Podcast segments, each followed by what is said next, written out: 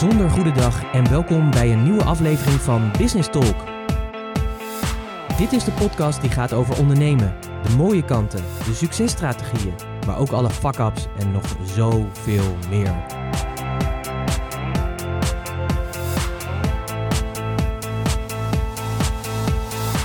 Mijn naam is Pieter Hensen, ik ben de gastheer van deze podcast en in het dagelijks leven ben ik raadgever voor leiders die impact willen maken. En als ondernemer ben jij een leider, dus welkom. Dit is de plek speciaal voor jou, waar je nieuwe ideeën en inzichten krijgt die jij weer kan vertalen als leider van en voor jouw bedrijf. Een moment om dieper door te denken en een plek met real talk. Alles met als doel dat je meer impact hebt. Dus let's talk business. Een bijzonder goede dag en superleuk dat je weer luistert naar een nieuwe aflevering van Business Talk. En ik hoop natuurlijk als je dit aan het luisteren bent dat het goed met je gaat, dat je gezond bent en dat ook je bedrijf lekker doorloopt. Uh, in deze podcast wil ik het met je hebben over iets wat me de laatste tijd heel erg opvalt. En dat is namelijk dat er best wel veel onrust in de wereld is. En dan zul je natuurlijk zeggen, ja Pieter, gaan we het hebben over alle grote wereldproblematieken?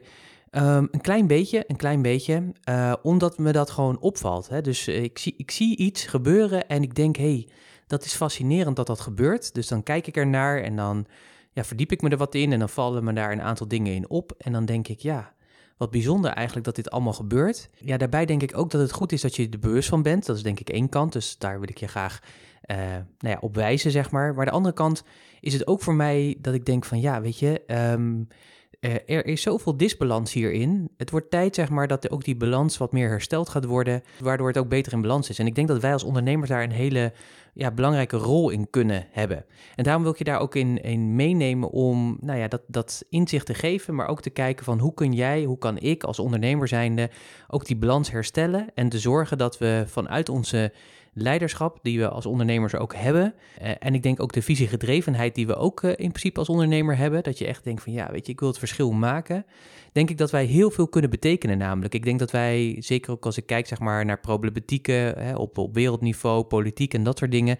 Dan denk ik wel eens, ja, stel je voor dat er nou een groep ondernemers was geweest die deze problematieken mocht aanpakken. Ik denk dat het gewoon ja, een hele andere vorm had gekregen, veel effectiever en efficiënter was gegaan. Omdat wij als ondernemers uh, aan de ene kant natuurlijk ook gewoon heel praktisch zijn. Maar wat wij ook heel erg goed uh, kunnen, is dat we natuurlijk heel creatief zijn. En wij kunnen natuurlijk heel goed die samenwerking aangaan.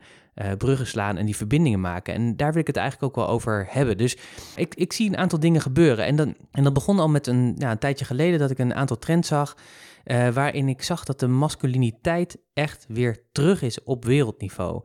Uh, en dat komt gewoon door een aantal wereldleiders die we nu hebben. Dus denk aan Vladimir Poetin in Rusland. Donald Trump natuurlijk, die verkozen is naar Obama. Uh, maar denk ook aan Jair Bolsonaro van Brazilië. Of Kim Jong-un of Xi Jinping van China. Um, allemaal wereldleiders, toevallig ook allemaal mannen. Ook wel bijzonder natuurlijk. Die ja, heel masculien zijn, die heel erg hun eigen waarheid naar voren brengen en van daaruit de wereld ook uh, besturen. Echt letterlijk de wet van de sterkste. Hè? Dat zie je natuurlijk bij Donald Trump natuurlijk ook. Ik hoorde gisteren nog op het nieuws dat er was een onderzoek gedaan door uh, ja, eigenlijk wel best wel zijn kanaal, Fox News, uh, een onwijs rechts politiek kanaal. die had onderzoek gedaan onder haar luisteraars en toen bleek eigenlijk dat ja, Joe Biden, dus de opponent van Donald Trump, dat hij voorlag. En hij was echt over de pist daarover.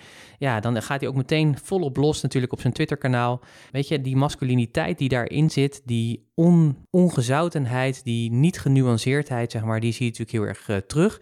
Bij sommigen uh, natuurlijk wat heel erg overduidelijk is, zoals bij Donald Trump. Bij Xi Jinping zie je dat natuurlijk wat minder in die hoeduidigheid terug, maar dat zit natuurlijk meer in wetgeving en regelgeving die hij afvaardigt en hoe hij met bepaalde systemen omgaat en ook ja, mensen ook uh, aan de kant zet die in de weg staan. Dus dat is zo'n trend die gaande is. De Black Lives Matter beweging die uh, weer ontstaan is en eigenlijk weer een opleving heeft gehad, want we denken eigenlijk dat het misschien ontstaan is, maar dat is helemaal niet zo.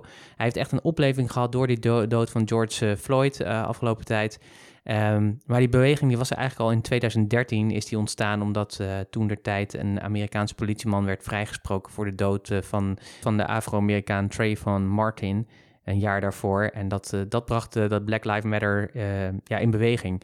Maar nu zie je wel dat door wat daar gebeurd is, dat die George Floyd, door de dood van zijn, ja, door de, zijn dood en dat er geen compassie was, ja, dat er natuurlijk enorm veel wereldwijd in gang is gezet tegen racisme, wat denk ik gewoon ja, natuurlijk supergoed is en dat we daar ons bewust van zijn en dat we daar gesprekken over moeten voeren, dat, uh, dat lijkt me allemaal helemaal evident. En ik heb ook wel nagedacht door of ik deze podcast ieder verhaal zo zou moeten maken, maar ik heb gewoon het gevoel, ik wil het gewoon met je delen. Het houdt me een tijdje bezig en ja, ik wil ook gewoon dat daar uitbrengen. Ik vind het ook wel lastig, weet je, want ook als ik kijk naar die Black Lives Matters uh, beweging en wat daar gebeurt, ik, ik, ja, ik, vind, ik vind ook niet dat ik daar in de plaats voor ben om daar over, ja, iets over te zeggen eigenlijk, omdat ja, ik ben gewoon hartstikke blank. Ik kan niet inleven wat dat betekent. Ik, heb wel vrienden ook die uh, uh, een huidskleur hebben en waarvan ik zie zeg maar dat het moeilijk is, maar ook die homo zijn of wat dan ook. Weet je, er is gewoon heel veel racisme op dit moment. En dat is echt zorgelijk. Ook in Nederland, want we zijn natuurlijk een onwijs tolerant land in principe. Althans, dat denken we van onszelf, maar ja, dat zijn we eigenlijk ook weer niet. En uh, ik moet eerlijk zeggen dat ook die uh, tolerantiegrens steeds lager wordt. Dus uh, ik zie het ook bij vrienden van mij die homoseksueel zijn, die ja, met moeite hand in hand kunnen lopen en dat er wat van gezegd wordt. Ze kunnen niet vrij zijn en dat is natuurlijk bizar ik merk wel dat natuurlijk dat een, eh, door wat er ontstaan is en dat die Black Lives Matter beweging weer ja, opnieuw leven is ingeblazen, helaas natuurlijk, is dat, er, ja, dat we wel behoefte hebben om ons uit te spreken. Dus je ziet ook dat heel veel mensen nu in beweging komen om hun stem te laten horen en te laten zien, ja jongens, dit pikken we niet meer, zo kijken we, ja, zo willen we eigenlijk onze samenleving niet meer hebben. En dat is eigenlijk natuurlijk wel super mooi, want dat is natuurlijk eigenlijk ook wat natuurlijk in diverse periodes in de afgelopen jaren op diverse continenten heeft plaatsgevonden. Denk natuurlijk ook aan afschaffing van de slavernij, maar ook uh, dat ook in Amerika natuurlijk dat uh, zwarte mensen of Afro-Amerikanen, uh, maar ook anderen natuurlijk, denk ook aan Mexicanen, maar mensen met een andere huidskleur niet mochten stemmen, geen rechten hadden en dat soort dingen. En dat die vrijheid natuurlijk echt bevochten is natuurlijk in de vrijheidsbewegingen van onder andere Malcolm X en Martin Luther King. Uh, maar denk ook natuurlijk aan de apartheid, de afschaffing van de apartheid en Nelson Mandela. Allemaal mensen die hebben moeten vechten, zeg maar, voor, um, ja, voor die vrijheid. En, en uh, ja, dat hebben gedaan en daardoor dat mogelijk is. Maar helaas, weet je, we, er zijn natuurlijk ook altijd cycli in, uh, in de wereld gaande. We hebben natuurlijk altijd cycli. Uh, en we zien nu weer zo'n opleving en helaas is het nodig. Weet je, dus ik denk dat het goed is dat mensen zich uitspreken en dat dit ook echt een hot topic wordt. Wat je natuurlijk ook dan weer ziet ontstaan natuurlijk is dat, ja, weet je, er komen natuurlijk ook weer tegenbewegingen. Zo gaat het natuurlijk, hè, actie-reactie, zo werkt het eigenlijk gewoon. Het zijn gewoon natuurwetten die uh, in gang gezet worden. Ja, denk daarover na, hè, van ja, Black Lives Matter. Ja, je kunt natuurlijk ook zeggen van ja, niet alleen Black Lives Matters, maar All Lives Matters. Dat, is, uh, dat is echt gewoon mijn standpunt hierin. Maar er zijn natuurlijk ook tegenbewegingen, tegenbewegingen die tegen die Black Lives Matter weer ingaan, omdat die toch weer andere opvattingen hebben. En ja, zo zie je dat steeds meer ontstaan, dat die polariteit steeds groter wordt in de wereld. En ja, ik vind dat uh, op zich wel zorgelijk. Ik denk dat dat niet nieuw is, dat het van alle tijd en alle dag is. Ik denk alleen dat door het internet vandaag de dag en alle social media we veel meer in onze huiskamer krijgen en direct betrokken zijn. Weet je, als er wat gebeurt, wordt meteen natuurlijk uh, gestreamd en we zien het meteen gebeuren. Dat is denk ik ook mooi en goed. Hè? Dus in die zin, wij zijn we allemaal journalist uh, geworden. Uh, maar ik denk dat het ook goed is om na te denken over hoe gaan we daar dan mee om? Hoe geven we dat zo'n vorm? Nou, denk ook aan de, de coronatijd waar we nu in zitten. Weet je, mensen waren natuurlijk uh, ja, in het begin natuurlijk helemaal uh, duidelijk, paniek, uh, maatregelen die getroffen werden, die accepteerden we. En nu zien we natuurlijk ook dat daar weer tegenbewegingen in komen, dat mensen zeg maar niet aan de maatregelen houden, niet in een anderhalve meter samenleving willen leven. En dat er ook anti-corona demonstraties ontstaan om te laten weten van jongens, wij zijn het hier niet mee eens. Dus een tegenstem die daar dan in plaatsvindt. Actie, reactie, dat is wat er gebeurt. Um, weet je, dus je ziet allemaal die, die, die golfbewegingen ontstaan en ik merk gewoon dat er gewoon heel veel verwarring is. En dat is zowel op macroniveau, hè, dus wat we natuurlijk gewoon wereldwijd zien gebeuren. Uh, overal in de wereld zag je natuurlijk die Black Lives Matters demonstraties natuurlijk plaatsvinden, wat natuurlijk heel positief en goed is. Uh, tegelijkertijd zie je natuurlijk ook alle tegenbewegingen. Uh, maar niet alleen op Black Lives Matters, maar ook in allerlei conflicten die we hebben eigenlijk. Hè? De milieucrisis die we eigenlijk hebben, de coronacrisis, een financiële crisis die er mogelijk weer aan gaat komen. Kortom, er is heel veel verwarring gaande. En mensen worden ook steeds meer individualistischer erin. En aan de andere kant uh, zie ik ook de beweging dat we juist heel erg weer op zoek zijn naar die verbinding en die groep groepsvorming. En ik denk dat daardoor ook, en zeker natuurlijk in tijden van een corona, zo'n Black Lives Matter ook nog groter is uh, geworden en ontstaan door het feit dat we ook daar meer aandacht aan kunnen geven. En dat we nu ook, doordat je ja, laten we zeggen, beperkt kan bewegen, beperkt kan handelen, beperkt met je eigen leven kan bezig zijn, of althans de dingen die je wil doen, dat je daardoor ook dit ontstaat en dat de behoefte er is om je uit te spreken ook steeds groter wordt. Maar door die verwarring merk ik ook dat er steeds meer, ja, dat die polarisatie, dat die gewoon groter aan het worden is. Hè. Eh, het wordt steeds uh, meer tegenover elkaar komen we te staan eigenlijk. En ja, je ziet ook steeds meer mensen, zeg maar, die gaan strijden voor het geloof waarin ze geloven. En uh, daar 100% uh, voor gaan. Ik vind dat uh, aan de ene kant heel erg mooi en benoemenswaardig. een van de, de, mooie voorbeelden vind ik bijvoorbeeld Lewis Hamilton. Ik ben groot Formule 1 fan. En een groot Lewis Hamilton-fan. Hij is uh, zesvoudig uh, Formule 1-coureur. Hij is ja, een van de weinige gekleurde coureurs in de paddock, hè, zoals we dat noemen. Dus in, in die wereld eigenlijk. Het is een hele blanke wereld. En hij is echt, ja, door wat er gebeurd is met George Floyd, is hij gewoon echt opgestaan. En heeft echt gezegd, ja jongens, dit kan niet meer. En hij heeft echt een hele beweging in gang gezet, waardoor ook collega uh, coureurs ook dingen zijn gaan doen. En ook dat in de Formule 1, dat zijn team van Mercedes hem gaat steunen om meer diversiteit erin te krijgen, maar ook de Formule 1 zelf. En ik vind dat wel mooi, weet je, want daarmee zet hij uh, wel in voor verandering. Dat deed hij sowieso al, daarom vind ik hem ook heel interessant als uh, coureur zijnde. En zeker ook omdat hij gewoon er hard voor heeft gevochten, zeg maar. Hij is niet, hij komt niet, hè, veel coureurs komen uit een rijke familie, waar gewoon veel geld is. Uh, moet natuurlijk talent hebben, dat blijft natuurlijk altijd vooraan staan. Uh, hij had dat niet, zeg maar. Dus hij is echt vanuit ja, uh, weinig tot niks begonnen, natuurlijk met een achterstand. En heeft zich wel daartoe uh, gevochten, omdat zijn droom was gewoon dat hij gewoon Formule 1 wereldkampioen wilde worden. En daar alles voor heeft gedaan en gelaten om dat te bereiken. Maar tegelijkertijd Um, heeft hij ook een enorme visie op hoe hij de wereld ziet, zeg maar. Hij eet vegan, hij is heel erg voor ja, anti-dierengeweld, anti-mensen, ja, eh, nou niet anti-mensenrechten, maar pro-mensenrechten natuurlijk. En dat laat hij ook gewoon weten. En daarom vind ik hem zo ook uniek, zeg maar, in zijn zijn, dat hij heel uitgesproken is en heel outgoing is. En daarnaast is het gewoon een fantastisch goede coureur natuurlijk ook. Dus niet alleen dat, zeg maar, maar die combinatie, die vind ik heel aantrekkelijk. Um, dat is natuurlijk super mooi. Weet je, dat is natuurlijk leiderschap. Hiermee heeft hij natuurlijk, doordat hij in een positie zit, doordat hij gewoon is waar hij staat, hè, zesvoudig Formule 1 wereldkampioen. Ja, dat is echt bizar goed, zeg maar. Ja, er zijn er weinigen die dat uh, geëvenaard hebben. En het is sowieso natuurlijk een eliteclub, hè, want er zijn wereldwijd, maar als je natuurlijk bedenkt dat er 7 miljard mensen zijn op deze aardkloot en er zijn maar 22 coureurs gemiddeld genomen die een stoeltje hebben in zo'n Formule 1-stoel, um, is natuurlijk echt een elite van de elite. Uh, maar hij zit daarin, weet je, en hij gebruikt uh, zijn visie op de wereld om het te verbeteren. En dat vind ik heel erg waardevol. Daarnaast krijgt hij natuurlijk wel heel veel commentaar daarover. En dat krijg je natuurlijk altijd. Hè, van op het moment dat je je hoofd boven het maaiveld uitsteekt, dan gebeurt er natuurlijk ook iets anders. Dan, ja, dan zijn er ook mensen die zo heel graag dat hoofd er weer afhakken ik vind het altijd wel een beetje makkelijk om heel eerlijk te zijn. Want het zijn ook weer vaak mensen die aan de zijlijn staan. Zelf niet echt in de middelpunt staan. Niet een standpunt innemen. Niet een echte visie hebben.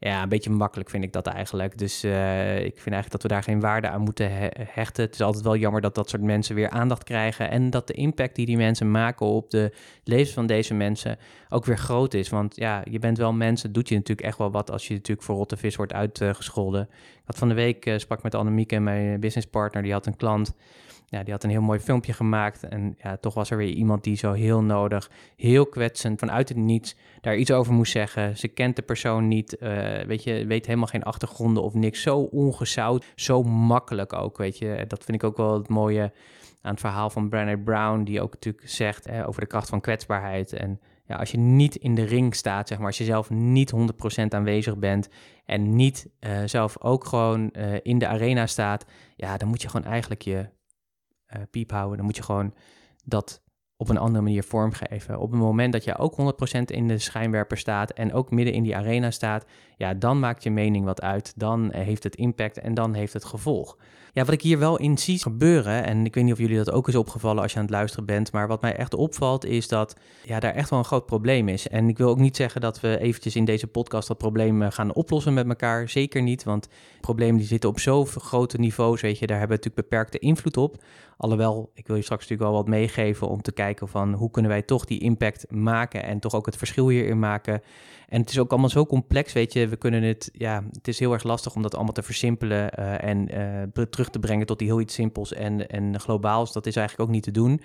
Maar wat mij opvalt is dat eigenlijk bij iedereen, of je nou voorstander bent voor een bepaalde zaak of tegenstander, of je zit er tussenin, wat me opvalt bij heel veel mensen is dat er ja, echt iets niet, fundamenteel iets niet goed gaat. En dat heeft mee te maken dat we niet meer goed luisteren. Niet meer echt luisteren. Niet meer met echt 100% aandacht geven aan wat er nou daadwerkelijk wordt gezegd.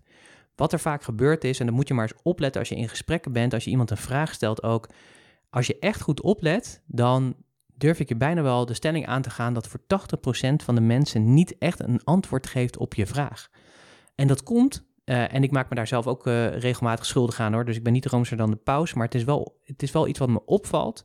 En zeker omdat ik daar ook veel mee bezig ben, ook mee door de leergang die ik volg, Wij zijn ten impact, wat meer een filosofische leergang is. Dus dan ben ik ook meer aan nadenken over goede vragen stellen en de kunst van vragen stellen.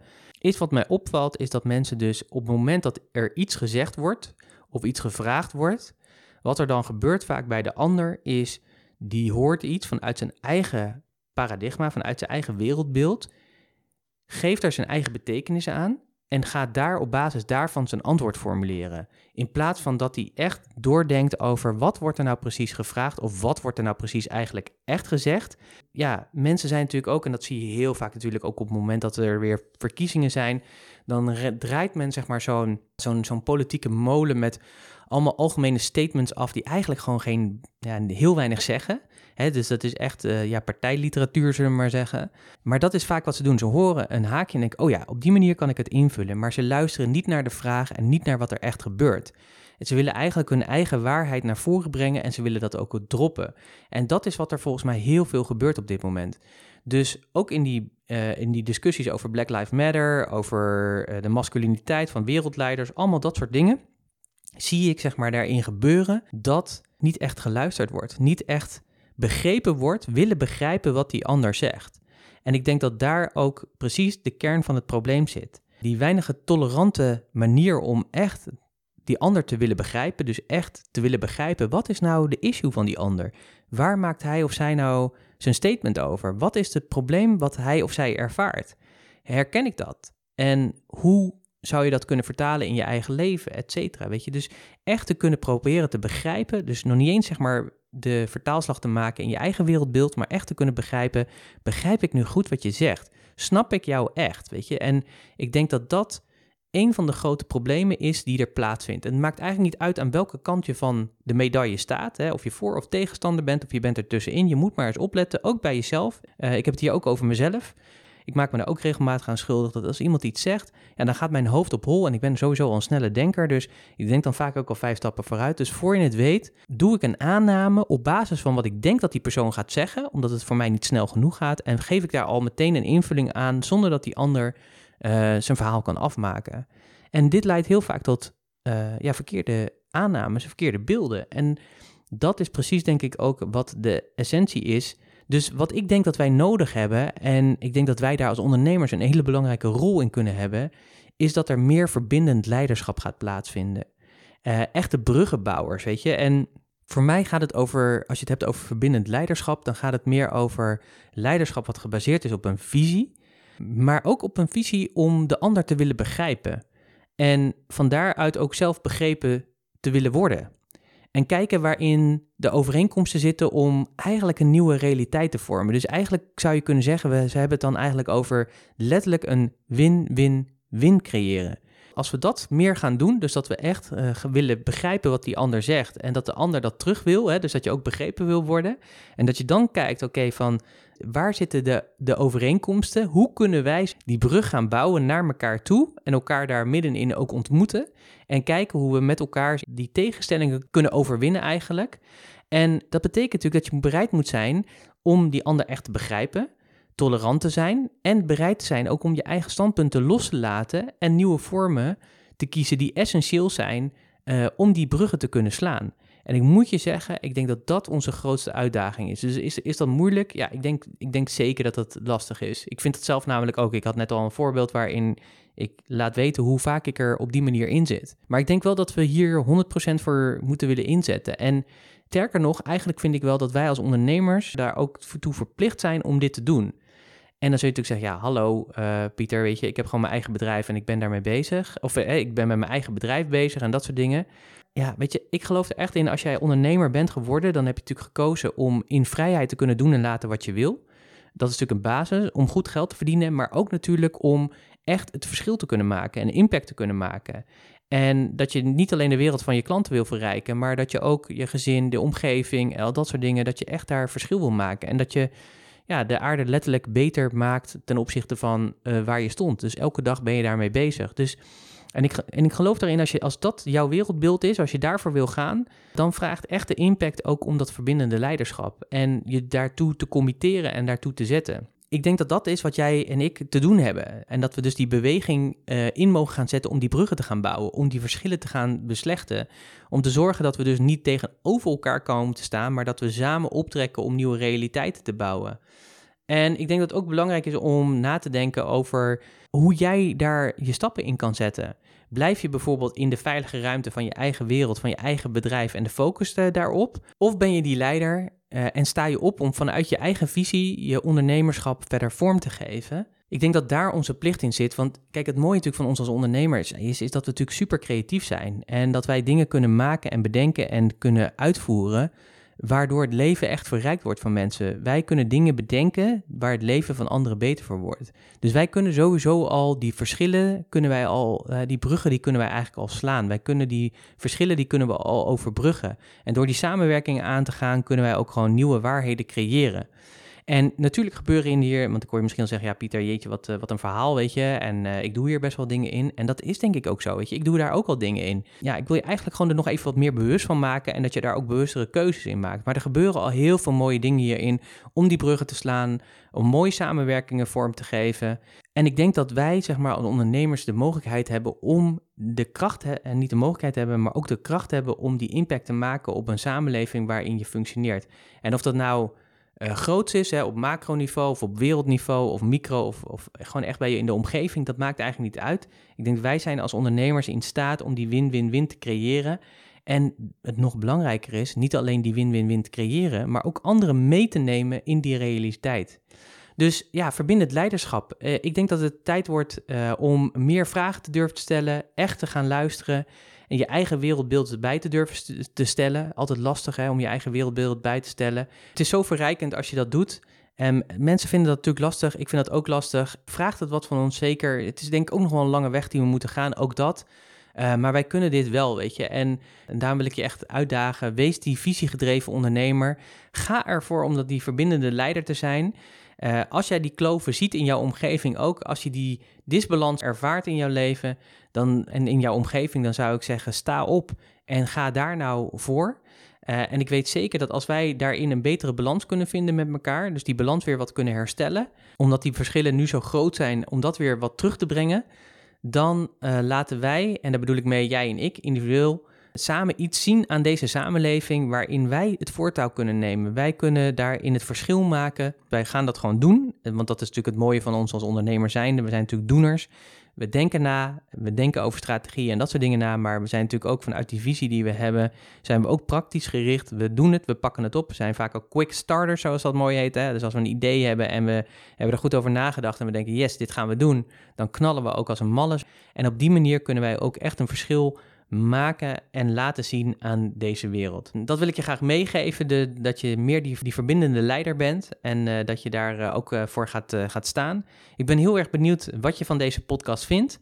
laat me dat weten. Dat kun je doen door reacties achter te laten op de diverse kanalen waar deze podcast verschijnt. Ook altijd leuk om je reacties te lezen in de social media. Dus plaats gerust post hierover, tag me erin en dan uh, reageer ik daar graag weer op, zodat we ook die discussie op kunnen starten. En ook kunnen kijken of we ook die bruggen kunnen slaan, vandaar ook samenwerking kunnen starten. Heb je ondernemers in je omgeving waarvan je weet, ja, deze podcast, deze Business Talk aflevering is gewoon super waardevol voor ze, dan zou ik zeggen, wijs ze erop, leid ze ernaar, deel hem met hen. Uh, heel erg dankjewel. Wil je persoonlijk reageren? Mag natuurlijk ook altijd. support.puurs.nl.